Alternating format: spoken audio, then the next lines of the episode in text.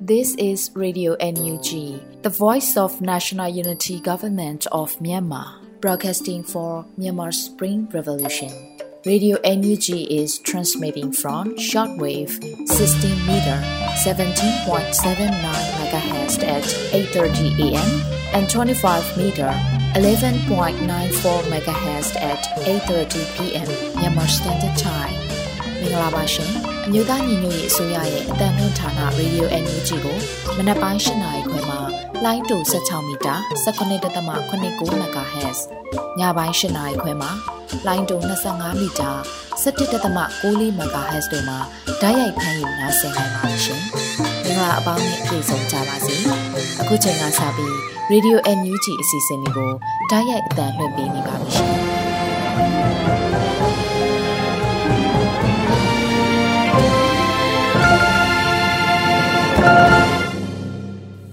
မင်္ဂလာရှိတဲ့မနက်ခင်းဖြစ်ကြပါစေခင်ဗျာဒီနေ့ဟာ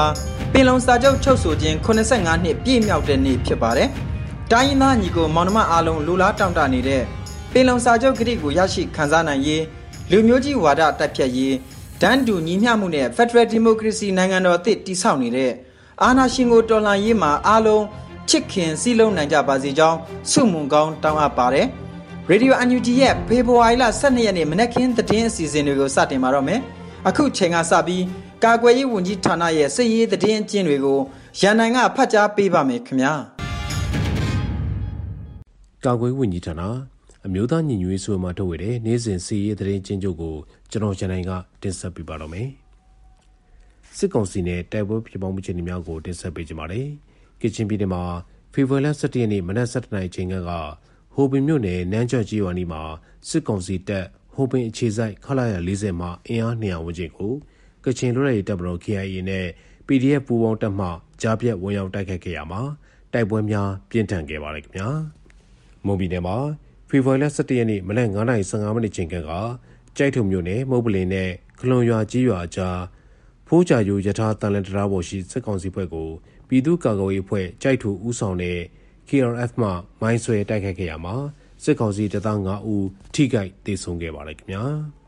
စကိုင်းတိုင်းမှာတော့ဖေဖော်ဝါရီလ17ရက်နေ့မနက်9:40မိနစ်40ချိန်ကရဲမဲပင်မြို့နယ်ရဲတန်ရင်28အားအမိမြေတော်လိုင်းတပ်ဖွဲ့မှစွန်ရဲစစ်စီရင်ဖြင့်ဝင်ရောက်တိုက်ခိုက်ခဲ့ရမှာစစ်ကောင်စီတပ်သား14ဦးသေဆုံးပြီးအများပြားဒဏ်ရာရရှိခဲ့တယ်လို့သိရှိရပါတယ်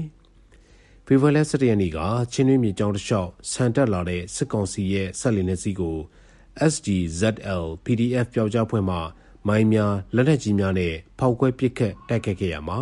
စစ်ကောင်စီတပ်သား9ဦးသေဆုံးပြီး10ဦးထပ်မံဒဏ်ရာရရှိခဲ့တယ်လို့သိရှိရပါတယ်။ဖေဖော်ဝါရီ10ရက်နေ့နေ့လယ်12:30မိနစ်30ချိန်ကခင်ဦးမြို့တွင်ကိုဝင်ရောက်လာတဲ့စစ်ကောင်စီကားကြီးလေးစီးအားခင်ဦးမြို့နယ်နေမီကန် LPDF မှခင်ဦးမြို့ဝင်ရွှေပြည်သာအဆင့်မှာပရိသာမိုင်း၃လုံးတွဲနဲ့နှစ်ကြိမ်မိုင်းဆွဲတိုက်ခတ်ခဲ့ပါတယ်။နေ့လယ်2နာရီခန့်က အဆိုပါရင်နှန်းကိုပင်နေမြေကန် LPDF မှတာဂရကြီးရွာနဲ့မြေတောင်ကြီးရွာကြားမှာရှေ့ထွက်မိုင်းနဲ့နှစ်ကြိမ်မိုင်းဆွဲတိုက်ခိုက်ခဲ့ပါတယ်။ဖေဖော်ဝါရီလ10ရက်နေ့မနက်ပိုင်းကခီဦးမြို့နယ်ကလလူးကြီးရွာစာတင်ကျောင်းတွင်ရောက်ရှိလာတဲ့စစ်ကောင်စီတပ်သားများကိုကလလူးကြီးရွာ LPDF များမှလက်နက်ကြီးနဲ့လေးချက်တိုက်ခိုက်ခဲ့တဲ့အပြင်ရွာမအထွတ်မှာလည်းမိုင်းဆွဲတိုက်ခိုက်ခဲ့ကြပါလေခင်ဗျာ။မကွေးတိုင်းမှာဖေဖော်ဝါရီလ17ရက်နေ့မနက်ပိုင်းကဆောမြို့နယ်ကြောက်တုမြို့မှဆောမြို့ကိုလာတဲ့ စစ်ကောင်စီအင်အား300နဲ့155မမမြောက်ကြီးများတည်လာတဲ့ရင်နှန်းကိုစော PDF က3ကြိမ်ကြားပြက်တိုက်ခိုက်ခဲ့ရမှာစစ်ကောင်စီ10ဦးခန့်တေဆုံးခဲ့ပါတယ်။ဖေဖော်ဝါရီလ10ရက်နေ့မနက်၈နာရီချိန်ကကံကောင်းမြို့နယ်မြောက်ခင်းရွာမှာကင်းဆောင်နေတဲ့စစ်ကောင်စီနဲ့ပြူစောတိများရှိတဲ့ဂိတ်တဲကိုပြည်သူ့ကာကွယ်ရေးတပ်မတော်နဲ့မဟာမိတ်ဖွဲ့ကလက်နက်ကြီးနဲ့ပစ်ခတ်တိုက်ခိုက်ခဲ့ရမှာပြူစောတိ10ဦးထပ်မံတေဆုံးခဲ့ပါတယ်ခင်ဗျာ။ မန္တလေးတိုင်းမှာဖေဖော်ဝါရီလ17ရက်နေ့နေ့လယ်2:30မိနစ်30ချိန်ကမန္တရာမြို့နယ်သပန်းကိုင်းရွာမှာတက်ဆွဲထားတဲ့စစ်ကောင်စီအင်အား30ခန့်အားမန္တရာပြည်သူ့ကာကွယ်ရေးဖွဲ့မှမိုင်းဆွဲတိုက်ခတ်ခဲ့ရမှာစစ်ကောင်စီတပ်သားများအသေးပြောက်များခဲ့တယ်လို့သိရှိရပါတယ်ခင်ဗျာဆက်လက်ပြီးစစ်ကောင်စီကကျွလွန်တဲ့ရာဇဝမှုမြောင်ကိုလည်းတင်ဆက်ပေးကြပါမယ်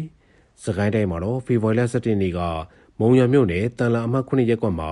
စစ်ကောင်စီတပ်သားများက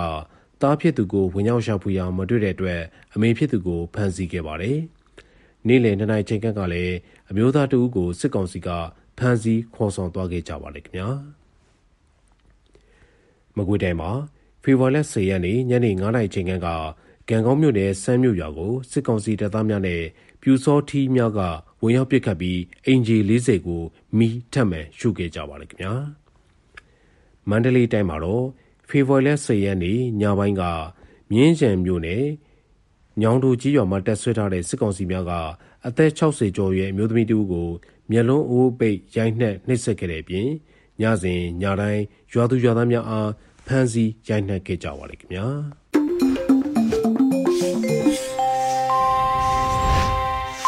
ရေဒီယိုအန်ယူဂျီကအတန်လှွနေပါတယ်စစ်ရေးသတင်းတွေကိုနားဆင်အပြီးမှာတော့ ຫນွေဥမွန်တင်ဆက်ထားတဲ့နောက်ဆုံးရသတင်းတွေကိုနားဆင်ကြပါအောင်ခင်ဗျာ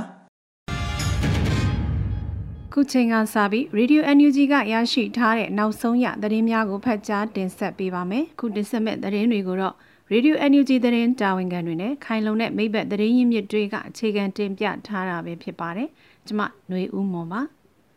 ဆွလွန်အနစ်နာခံတတ်တဲ့သွေးချင်းကရင်အားလုံးကိုဥညွတ်ဂုံပြူပါကြောင်း မြို့သားညီညွတ်ရေးအစိုးရကကရင်အမျိုးသားနေ့တဝန်လှော်ပေးပို့ခဲ့ပါတယ်။ပြည်ထောင်စုစိတ်တဲ့ဖြင့်အတူတကွပူးပေါင်းလက်တွဲပြီးဆီယနာရှင်ကိုတော်လန်တိုက်ပွဲဝင်နေကြတဲ့ဖြောင်းမတ်ဒီကြီးတတိကြီးသည့်ကရင်တမျိုးသားလုံးရဲ့စွမ်းရည်ကိုအထူးအလေးထားအားကိုးပါတယ်လို့ဖေဖော်ဝါရီလ17ရက်နေ့မှာကြားရောက်တဲ့ကရင်အမျိုးသားနေ့အတွက်ပေးပို့တဲ့တဝန်လှော်မှာမြို့သားညီညွတ်ရေးအစိုးရကဖော်ပြခဲ့ပါတယ်။ ဖရယ်ဒီမိုကရေစီပြည်ထောင်စုကြီးတည်ထောင်မှုအရေးကြီးလာတဲ့ယနေ့အချိန်ကာလမှာအကြမ်းဖက်စစ်ကောင်စီရဲ့အာဏာအာဏာသိမ်းယူမှုကိုနိုင်ငံတော်ဝန်လုံးကတိုင်းသားပြည်သူတရလုံးခုခံဆန့်ကျင်တွန်းလှန်လျက်ရှိရာကရင်တမျိုးသားလုံးကလည်းပြည်ထောင်စုစိတ်ဓာတ်နဲ့ဖေးမှကူညီပံ့ပိုးခဲ့ကြတာကျေးဇူးတင်ဂုဏ်ယူဝေရကောင်းလှပါကြောင်းဂုဏ်ပြုထားတာကိုလည်းတွေ့ရပါတယ်။ကရင်အမျိုးသားနေဟာလွတ်လပ်ရေးတန်းတူရေးဒီမိုကရေစီရေးချစ်ကြည်ရေးငြိမ်းချမ်းရေးတို့အတွက်ကရင်အမျိုးသားများရဲ့နိုင်ငံရေးအသေးစိတ်နဲ့မျိုးချစ်စိတ်ကို ဖော်ထုတ်ပြသခဲ့တဲ့နေ့ဖြစ်ကြောင်းကရင်အမျိုးသားတို့ရဲ့ချစ်ကြည်ရေးနဲ့ငြိမ်းချမ်းရေးအပေါ်အလေးအနက်မျက်နှိုးတံမိုးထားမှုကိုပြသတဲ့နေ့ဖြစ်တယ်လို့လည်းသဝင်လွှာမှာရေးသားထားပါတယ်။နှစ်ပေါင်း80ကျော်ကြာဒန်းနူညီများရေးနဲ့ဖက်ဒရယ်စနစ်ပြည်ပြည်ပြင်းပြင်းပေါ်ပေါက်လာရေးအတွက်တော်လန်တိုက်ပွဲဝင်ရင်အသက်အိုးအိမ်စီစဉ်များရင်းနှီးပေးဆက်ခဲ့ကြရတဲ့ကရင်မျိုးသားကောင်းဆောင်ကြီးတွေကရင်အာဇာနည်သူရဲကောင်းရဲဘော်တွေအားလုံးကိုလေးစားအသိအမှတ်ပြုကြောင်းနဲ့ဖေဖော်ဝါရီလ17ရက်နေ့မှာကြာရောက်တဲ့ 84နှစ်မြောက်ကရင်အမျိုးသားနေ့တွင်သွေးချင်းကရင်တိုင်းသားမောင်နှမများအားလုံးကောင်းကျိုးချမ်းသာမင်္ဂလာနှင့်ဘေးကင်းပျော်ရွှင်ကြပါစေကြောင်းဂုဏ်ပြုဆုတောင်းထားတာတွေ့ရပါတယ်။1948ခုဖေဖော်ဝါရီ3ရက်မှာဥနုကောင်းဆောင်တဲ့ဖဆပလအစိုးရကိုကရင်ပြည်ပေးဖို့စာရေးတောင်းဆိုပါတယ်။အဲဒီလိုတောင်းဆိုစာရဲ့လေးနက်မှုကိုပြဖို့အတွက်ဖေဖော်ဝါရီလ17ရက်နေ့မှာတော့မြမပြည်အနှံ့မှာရှိတဲ့ကရင်လူထုများကဆန္ဒပြပွဲတွေကျင်းပခဲ့ပါတယ်။မြန်မာနိုင်ငံအောက်ပိုင်း အလဲပိုင်းနဲ့အထက်ပိုင်းမှာမကျန်းကရင်အမျိုးသားအမျိုးသမီး၄သိန်းကျော်ဟာလွတ်လပ်တဲ့ကရင်ပြည်ချက်ချင်းပေးကရင်တစ်ချက်ဗမာတစ်ချက်ဒန်းဒူရေးနဲ့ဒီမိုကရေစီလူမျိုးရေးအထီးကရုံအလိုမရှိပြည်တွင်းစစ်အလိုမရှိစတဲ့ကြွေးကြော်သံတွေတပြည်လုံးညံသွားအောင်အင်းချမ်းစွာဆန္ဒပြခဲ့ကြတာပါအဲ့ဒီလိုကရင်တမျိုးသားလုံးဇာတိသွေးဇာတိမှန်တောက်ပြောင်စွာညီညီညွတ်ညွတ်ဆန္ဒထုတ်ဖော်ခဲ့တဲ့ဖေဖော်ဝါရီ17ရက်နေ့ကို 1953ခုနိုဝင်ဘာလ23မှ25ရက်နေ့ဖာပုံမြို့မှာကျင်းပတဲ့ကော့တူးလေးပြည်လုံးဆိုင်ရာကွန်ဂရက်ကြီးမှကရင်မျိုးသားနေရဲလို့တညီတညွတ်ထဲအတီးပြုတ်သတ်မှတ်ခဲ့ကြတာဖြစ်ပါတယ်။နှစ်ပေါင်း83နှစ်ကြာအောင်တိုက်ပွဲဝင်နေကြဆဲကရင်ဒေါ်လန်ရေးကြီးဟာရှေလျားလာပါတယ်။2021ခုနှစ်စစ်တပ်အာဏာသိမ်းချိန်မှာတော့အာဏာရှင်လက်အောက်ခံတပ်ဖွဲ့အချို့မှလွဲပြီး KNU ကောင်းဆောင်တဲ့ကရင်လူထုတွေဟာ ပြည်သူ့ကာကွယ်ရေးတပ်ဖွဲ့များနဲ့အတူပူးပေါင်းတိုက်ပွဲဝင်လျက်ရှိပါတယ်ရှင်။တယ်လီနိုဆက်သွေးကုမ္ပဏီရဲ့အစင်ကျင်မဲ့လက်လွှဲရောင်းချမှုကိုနော်ဝေရောက်မြန်မာတွေကစန့်ကျင်ဆန္ဒပြနေကြပါတယ်။တယ်လီနိုဂရုဟာ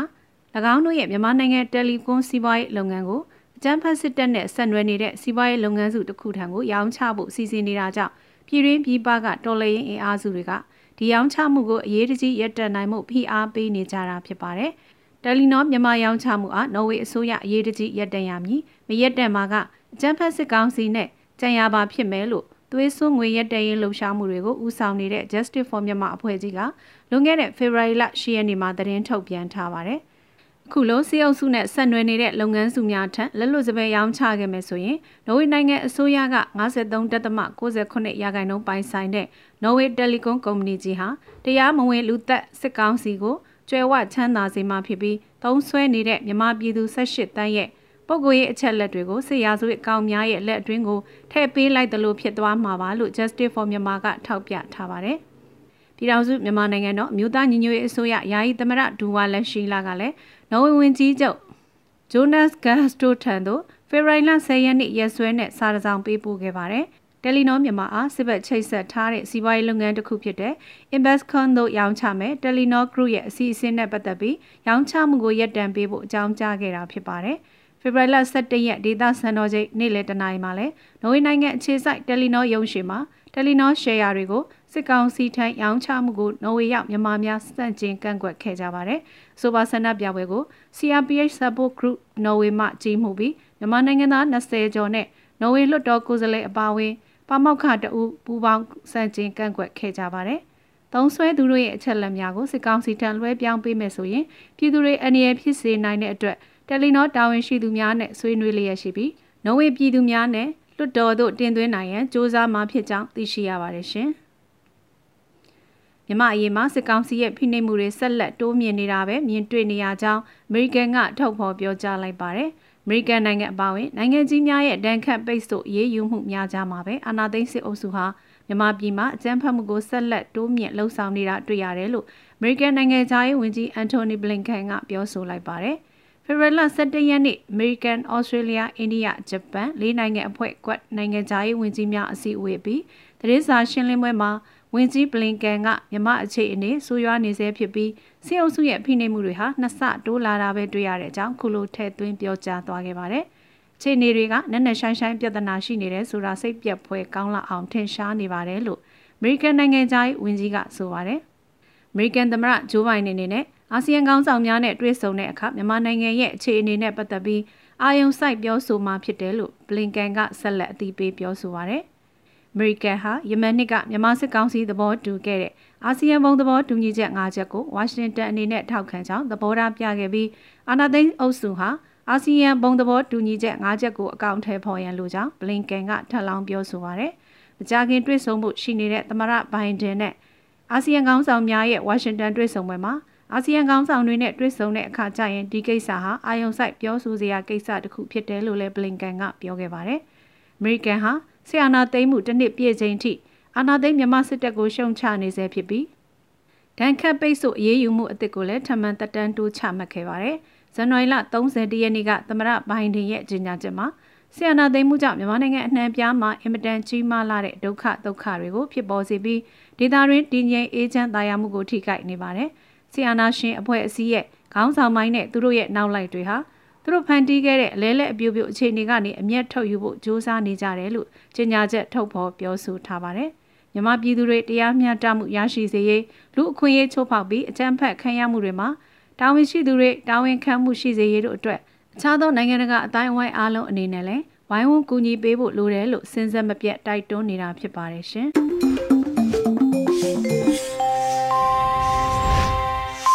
နောက်ဆုံးရသတင်းတွေကိုနားဆင်ခဲ့ရတာပါ ဆက်လက်ပြီးပြည်သူ့ခုခံတော်လှန်စစ်သတင်းများကိုမင်းနိုင်ຫນွေဦးကဖတ်ကြားပေးမှာဖြစ်ပါတယ်ခင်ဗျာ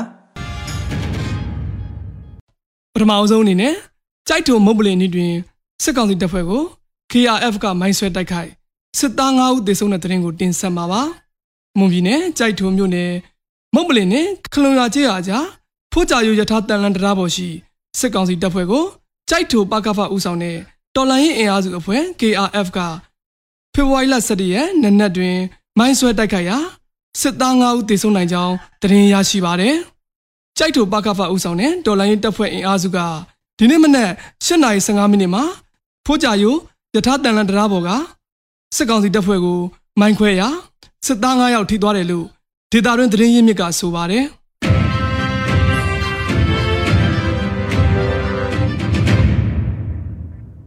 စလင်းကြီးတွင် စစ်ကောင်စီဆက်လက်နှစ်စီးတိုက်ခိုက်ခံရပြီးခုနှစ်ဦးသေဆုံးတဲ့တဲ့ရင်ကိုဆက်လက်တင်ဆက်ပါမယ်။ချင်းနစ်မြေကြောင်အတိုင်းဆန်တက်လာတဲ့စစ်ကောင်စီဆက်လီနှစ်စီးကိုအကြည်ဇအံ PDF ပျောက်ကြားအဖွဲ့ကမိုင်းများလက်နက်ကြီးများဖြင့်ဖောက်ခွဲပစ်ခတ်တိုက်ခိုက်ရာစစ်သား9ဦးသေဆုံးပြီး10ဦးတက်မင်းဒဏ်ရာရရှိကြောင်းသတင်းရရှိပါတယ်။ပစ်ခတ်တိုက်ခိုက်မှုအပြီးအထိကိမရှိပြန်လည်ဆုတ်ခွာခဲ့ကြောင်းစလင်းကြီးဂျီဇက် local PDF အဖွဲ့ကသတင်းထုတ်ပြန်ထားတာပါ။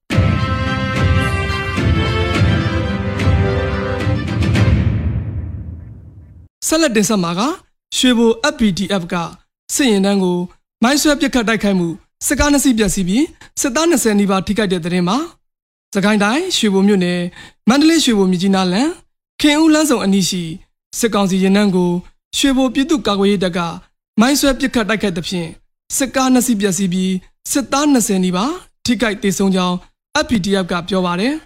ဖေဖော်ဝါရီလ10ရက်နေ့မွန်းလယ်12နာရီ26မိနစ်အချိန် မန္တလေးရွှေဘိုမြကြီးနားလန်ခင်ဦးလန်းဆောင်အနီးတွင်ကလလူးကျွရသို့စစ်ကြောင်းထိုးလာတဲ့စစ်ကောင်စီရင်နှန်းကိုပရိသာဆွဲမိုင်းခုနှလုံးဖြင့်မိုင်းဆွဲတိုက်ခိုက်ပစ်ခတ်ခဲ့ကြောင်းစစ်ကားနှစ်စီးထိခိုက်ပြီးစစ်သား20ဦးခန့်ထိခိုက်ဒေဆုံးခဲ့ကြောင်းစစ်တပ်ကရန်တမ်းပစ်ခတ်မှုများလှုပ်ဆောင်ပြီးအနည်းနာကျွရများမှာကြက်ချံတစ်ခုနှင့်ကောက်ရိုးပုံကိုမိရှို့ဖျက်ဆီးသွားကြောင်း FPDF ရဲ့အဆိုအရသိရပါတယ်။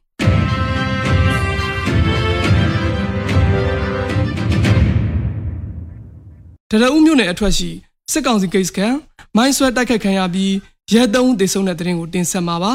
မန္တလေးတိုင်းကြောက်စဲခရိုင်တရဦးမြို့နယ်မြို့အထွက်ရှိစစ်ကောင်စီဂိတ်စကန်ကိုယနေ့နေ့နဲ့ပိုင်းတွင်ဒေသကာကွယ်ရေးတပ်ဖွဲ့ကမိုင်းဆွဲတိုက်ခိုက်ရာရဲသုံးသေဆုံးသွားကြောင်းဒေသကာကွယ်ရေးတပ်ဖွဲ့ကပြောဆိုပါတယ်အလားတူစကိုင်းတိုင်းမူဟာမြို့တွင်ယနေ့နေ့နဲ့9နာရီဝန်းကျင်အချိန်ပောက်ကွဲမှုနှစ်ခုဖြစ်ပွားပြီးစစ်ကောင်စီတပ်သားများတေဆုံးမှုနဲ့ထိခိုက်မှုရှိကြောင်း ဒေသသတင်းရင်းမြစ်မုံရွာချင်းင်းရုံးမှထံမှသိရှိရပါတယ်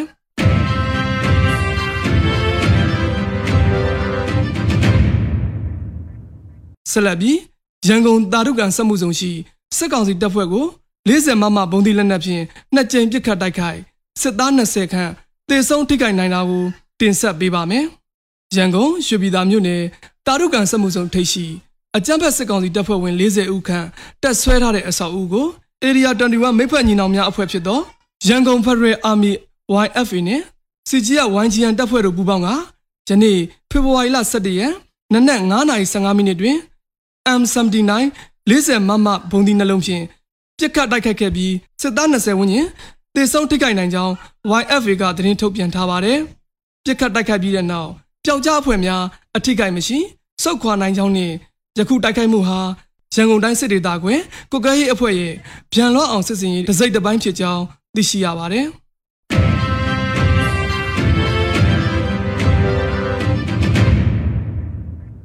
နောက်ဆုံးအနေနဲ့အမျိုးသားညီညွတ်ရေးအစိုးရပြည်ထရေးနဲ့လူဝင်မှုကြီးကြပ်ရေးဝန်ကြီးဌာနက2022ခုဖေဖော်ဝါရီလ17ရက်ရက်စွဲနဲ့ထုတ်ပြန်တဲ့ပြည်သူ့ခုခံတော်လှန်စစ်တရင်အချက်လက်တွေကိုတင်ဆက်ပေးသွားမှာပါ။အာဏာသိမ်းအကြမ်းဖက်စစ်အုပ်စုရဲ့ပြည်သူလူထုအပေါ်အကြမ်းဖက်ဖိနှိပ် ဖမ်းဆီးတိုက်ခိုက်တပ်ဖြတ်နေမှုများကိုပြည်သူလူထုတရက်လုံးကအသက်ရှင်သန်ရေးအတွက်မိမိကိုယ်ကိုမိမိခုခံကာကွယ်ပိုင်ခွင့်အရာပြည်သူခုခံစဉ် People Defensive War ကိုဆင်နွှဲလျက်ရှိပါတယ်။တရင်ချက်လက်များအရ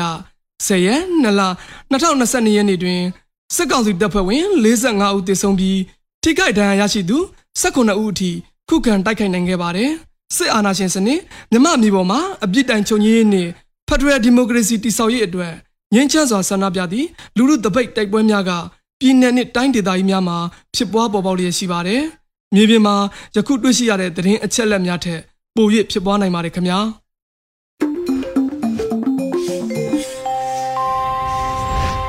ဆက်လက်ပြီးနားဆင်ရမှာက PPTV နေ့စဉ်သတင်းများပဲဖြစ်ပါတယ်မြို့တော်တာကတင်ဆက်ပေးထားပါတယ်ခင်ဗျာ မြန်မာနိုင်ငံသူနိုင်ငံသားပေါင်း BNT အသွဲအသွဲကကင်းဝေးပြီးကိုစိန်နှပါလုံခြုံအေးချမ်းကြပါစေလို့ PPTV ဖွဲ့သားတွေကဆုတောင်းမေတ္တာပို့သလိုက်ရပါတယ်။အခုချိန်ကစပြီး PPTV သတင်းတွေကိုတင်ဆက်ပေးတော့မှာပါ။ကျွန်မပြောတော့တာပါ။ အခုပထမဆုံးတင်ဆက်ပေးမှာကတော့တယ်လီနောမြန်မာရဲ့ရောင်းချမဲ့ဆုံးဖြတ်ချက်ကမြန်မာပြည်သူတွေရဲ့လုံခြုံရေးနဲ့အသက်အန္တရာယ်ကိုထိခိုက်စေနိုင်တဲ့အတွက်ရောင်းချခြင်းမပြုလုပ်စေရန်တားဆီးပေးဖို့နော်ဝေဝင်ကြီးချုပ်ထံကိုယာယီသမရဒူဝလာရှိလာကစာရေးသားပေးဖို့ဆိုတဲ့သတင်းမှာတယ်လီနောမြန်မာရဲ့ share တွေကို MI Group ထံသို့ရောင်းချမဲ့ဆုံးဖြတ်ချက်ကမြန်မာပြည်သူတွေရဲ့လုံခြုံရေးနဲ့အသက်အန္တရာယ်ကိုထိခိုက်စေနိုင်တဲ့အတွက်အဲ့ဒီရောင်းချမှုဖြစ်စဉ်ကိုတားဆီးပေးဖို့နော်ဝေဝင်ကြီးချုပ်ထံကိုကိုယာယီသမရဒူဝလာရှိလာကဖေဖော်ဝါရီ10ရက်မှာစာရေးသားပေးဖို့တောင်းဆိုလိုက်ပါတယ်အမျိုးသားညီညွတ်ရေးအစိုးရစီဝေးမှာလည်းတယ်လီနောရဲ့ရောင်းချမှုကိုအတိမပြုပေးသင့်ဘူးလို့ဆုံးဖြတ်ထားကြသလိုဒီလိုဆုံးဖြတ်ရတာကလည်းတယ်လီနောရဲ့အချက်လက်တွေထဲမှာအထိမခံတဲ့အချက်လက်တွေရှိနေပြီးရောင်းချမှုကတယ်လီနောအသုံးပြုသူမြန်မာနိုင်ငံသား18သက်သမ3တန်းရဲ့လုံခြုံရေးနဲ့အသက်အန္တရာယ်ကိုထိခိုက်စေနိုင်တယ်လို့ဆိုထားပါတယ်။ NUG အနေနဲ့နော်ဝေတုံအစိုးရကိုတယ်လီနောမှာသင်တို့ရဲ့အရေးပါတဲ့အနေအထားကိုအသုံးချပြီးတော့တရားမဝင်စစ်အာဏာရှင်တွေရဲ့ဘလို့ဆုံးဖြတ်ချက်မျိုးကိုမဆိုလစ်လျူရှုပေးရေးတောင်းဆိုပေးဖို့အနူးညွတ်တောင်းဆိုပါရယ်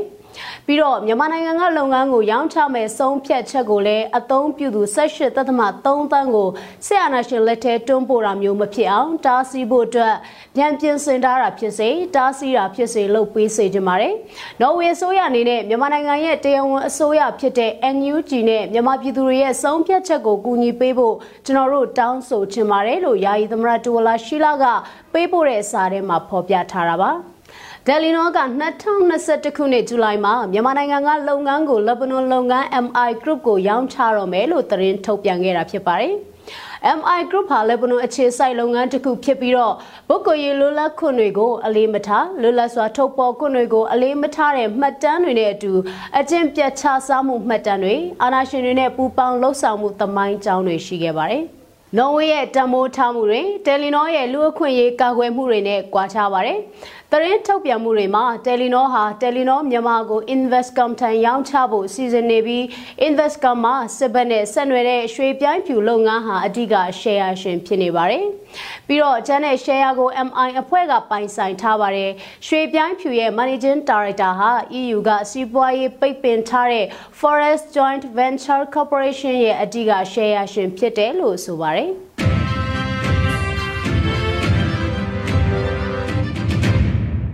ဖေဖော်ဝါရီလ12ရက်နေ့အတွက်လူထုအနေနဲ့အလံနဲ့အတန်ကိုနားဆွင့်ကြဖို့အတွက်အထွေထွေတပိတ်ပေါင်းဆက်ညှိနှိုင်းရေးအင်အားစု GSCB ကတိုက်တွန်းနှိုးဆော်ထားပါတယ်။လောလောဆယ်နှိုးဆော်ထားကြတာကဖေဖော်ဝါရီလ12ရက်နေ့မှာလူထုလှုပ်ရှားမှုအတွက်အိမ်ထဲမှာနေမနေပဲရောက်ရအရက်မှာအသင့်ရှိနေပေးကြဖို့ပါပဲ။ဘာတွေဘလို့ပုံလောက်ကြမလဲကိုတော့တော်လှန်ရေးအင်အားစုတွေရဲ့အလံနဲ့အတန်ကိုနားဆွအသင့်ပြင်ပြီးစစ်အာဏာရှင်ကိုရောက်တဲ့နေရာကနေတော်လှန်ကြဖို့အသင့်ပြင်ထားကြဖို့အတိပေးနှိုးဆော်လိုက်တယ်လို့အထွေထွေတပိတ်ပေါင်းဆက်ညှိနှိုင်းရေးအင်အားစု GSCB ရဲ့ထုတ်ပြန်ချက်မှာဖော်ပြထားပါတယ်။ပြည်သူတွေအနေနဲ့အကျဉ်းထောင်မကြပေမဲ့လည်းအကျဉ်းသားတွေလိုနေ့စဉ်စိတ်ရှိတိုင်းဖိနှိပ်ခံနေတဲ့အခြေအနေတွေကနေပြန်လည်တွန်းလှန်ဖို့အချိန်ရောက်နေပြီဖြစ်တယ်လို့လည်းဖော်ပြထားပါတယ်။ ဒေါ်လာရေးကာလအတွင်းမှာအသက်တွေပေးဆက်ခဲ့ရတာလူမဆန်တဲ့ညှဉ်းပန်းမှုတွေနဲ့ကြုံရတာတွေအတွက်ပြည်သူတွေအားလုံးဟာနိုင်ငံသားတယောက်ရဲ့အခွင့်အရေးမရှိဘူးလို့လည်းဆိုထားပါတယ်။နိုင်ငံသားတဦးရဲ့ရပိုင်ခွင့်တွေအတွက်ပြန်တိုက်ယူရမယ့်အခြေအနေမှာအိမ်ထဲမှာတီးခံပြီးနေတာထက်ယုံကြည်ရအတွက်တိုက်ယူကြရမယ့်အချိန်ရောက်နေပြီလို့လည်းအထွေထွေတပိတ်ပေါင်းဆက်ညှိနှိုင်းရေးအင်အားစု GSCB ကတိုက်တွန်းထားတာတွေ့ရပါတယ်။ကျေးဇူးတင်ပါတယ်ရှင်။ ရေဒီယိုအန်ယူဂျီမှဆက်လက်အတန်လှည့်နေပါတယ်ဆက်လက်ပြီးတိုင်းရင်းသားဘာသာအစီအစဉ်တွေနဲ့ဂျိုးချင်းဘာသာစကားကွဲတစ်ခုဖြစ်တဲ့ Dai ဘာသာဖြစ်သတင်းထုတ်လွှင့်မှုကိုတင်ဆက်ပေးမှာဖြစ်ပါတယ်။ဒီစီစဉ်ကို Radio UNG နဲ့ဂျိုးချင်းဘာသာစကားထုတ်လွှင့်မှုစီစဉ်တို့ကပူးပေါင်းတင်ဆက်ထားတာဖြစ်ပါတယ်ခင်ဗျာ။ကျွန်တော်ကတော့အစီအစဉ်တင်ဆက်သူလွတ်လပ်ຫນွေဦးပါ။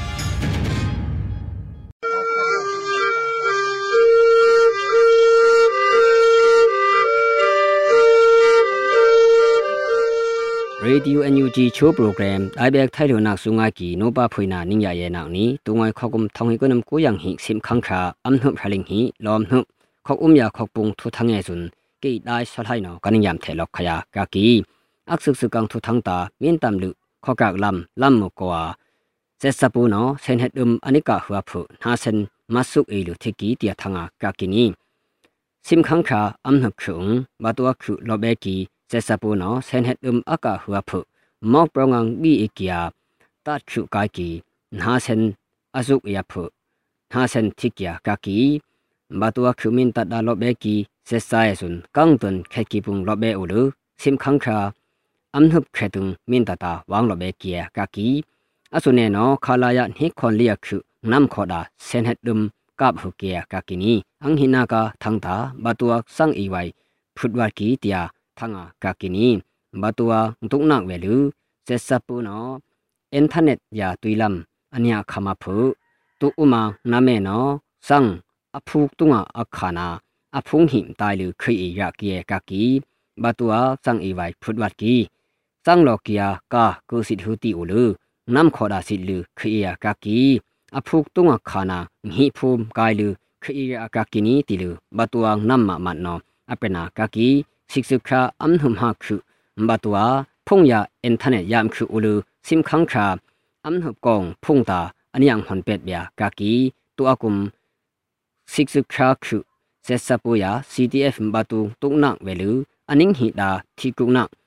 นุกีติลือมงยากากากินีอักทุมนากะทังตาเอ็นยูจิงปุกิยาเซสปุยาตึกฮัดเกียยามันเป็ดวายาเซสปุ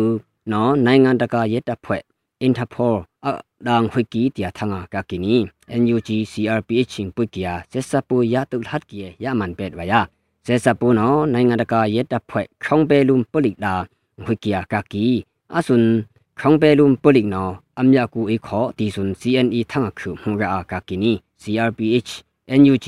CTF ယေဆွန်ခေါင်ပဲပရော့ပရကီယနီတီလူယာသမ်ဆက်ဝယာ เซซาปูนอคงเปนักกดาหุยกียกากีนิลุปีเซซาปูนออันนี้ลุงอังนักอันนี้หอมชมบายาคงเปอบุงนอเป็ดกียกากินีอัพรุนากะทังตา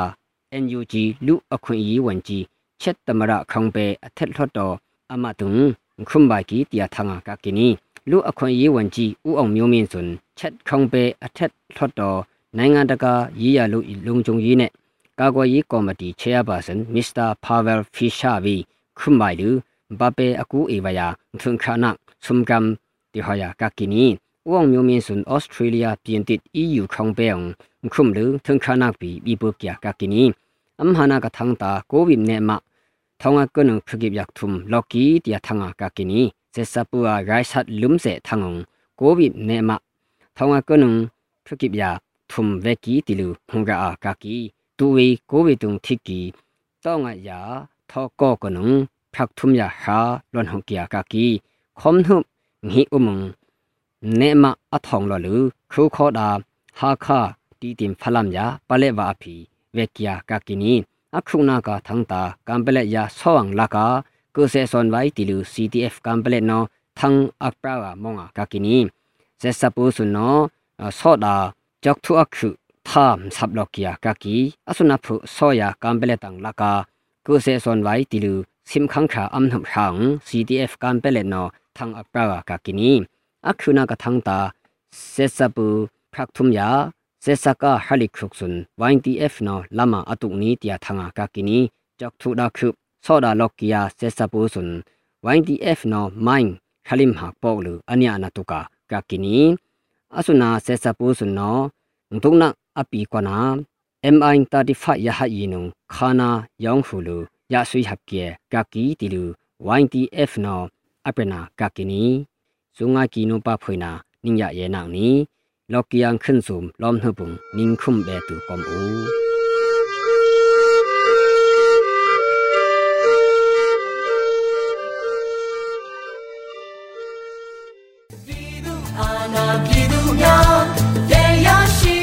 တော်တာရှင်များရှင်2022ခုနှစ်ဖေဖော်ဝါရီလ1ရက်နေ့အထိဝယ်သူများထံပေးပို့ခဲ့ပြီးတဲ့ငွေတိုက်စာချုပ်ပေါင်းကတော့35,122ဆောင်ရှိပြီဖြစ်ပါတယ်။ဒေါ်လာရေးအတွက်အရေးတကြီးလိုအပ်နေတဲ့ဘဏ္ဍာရမုံငွေရရှိစေဖို့အတွက်ငွေတိုက်စာချုပ်တွေကိုစွမ်းသမျှဆက်လက်ဝယ်ယူပေးကြဖို့တိုက်တွန်းလိုက်ရပါတယ်။အကြံဖက်စစ်တပ်အမြင့်ဖြတ်ဖို့ငွေတိုက်စာချုပ်ဝယ်ကြစို့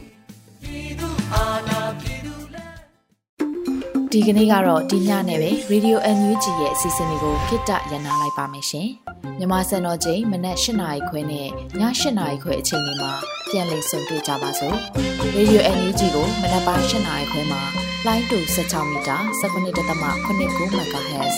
ညပိုင်း၈နာရီခွဲမှာလိုင်းတူ25မီတာ17.6 MHz တို့မှာဓာတ်ရိုက်ဖမ်းလို့နိုင်စေနိုင်ပါပြီ။ မြန်မာနိုင်ငံသူနိုင်ငံသားတွေကိုစိတ်နှပြကျန်းမာချမ်းသာလို့ဘေးကင်းလုံခြုံကြပါစေလို့ Radio NUG အဖွဲ့သူဖွဲ့သားတွေကဆုတောင်းမြတ်တာပို့တာလိုက်ရပါတယ်ရှင်။မြေသားညီမတွေအစိုးရရဲ့စက်သွေးရေးသတင်းအချက်အလက်တွေပညာဝန်ကြီးဌာနကထုတ်လွှင့်နေတဲ့ Radio NUG ဖြစ်ပါတယ်။ San Francisco Bay Area အခြေစိုက်မြန်မာမိသားစုတွေနဲ့နိုင်ငံတကာကစေတနာရှင်လို့အားပေးနေတဲ့ Radio NUG ဖြစ်ပါတယ်။အရေးတော်ပုံအောင်ရမည်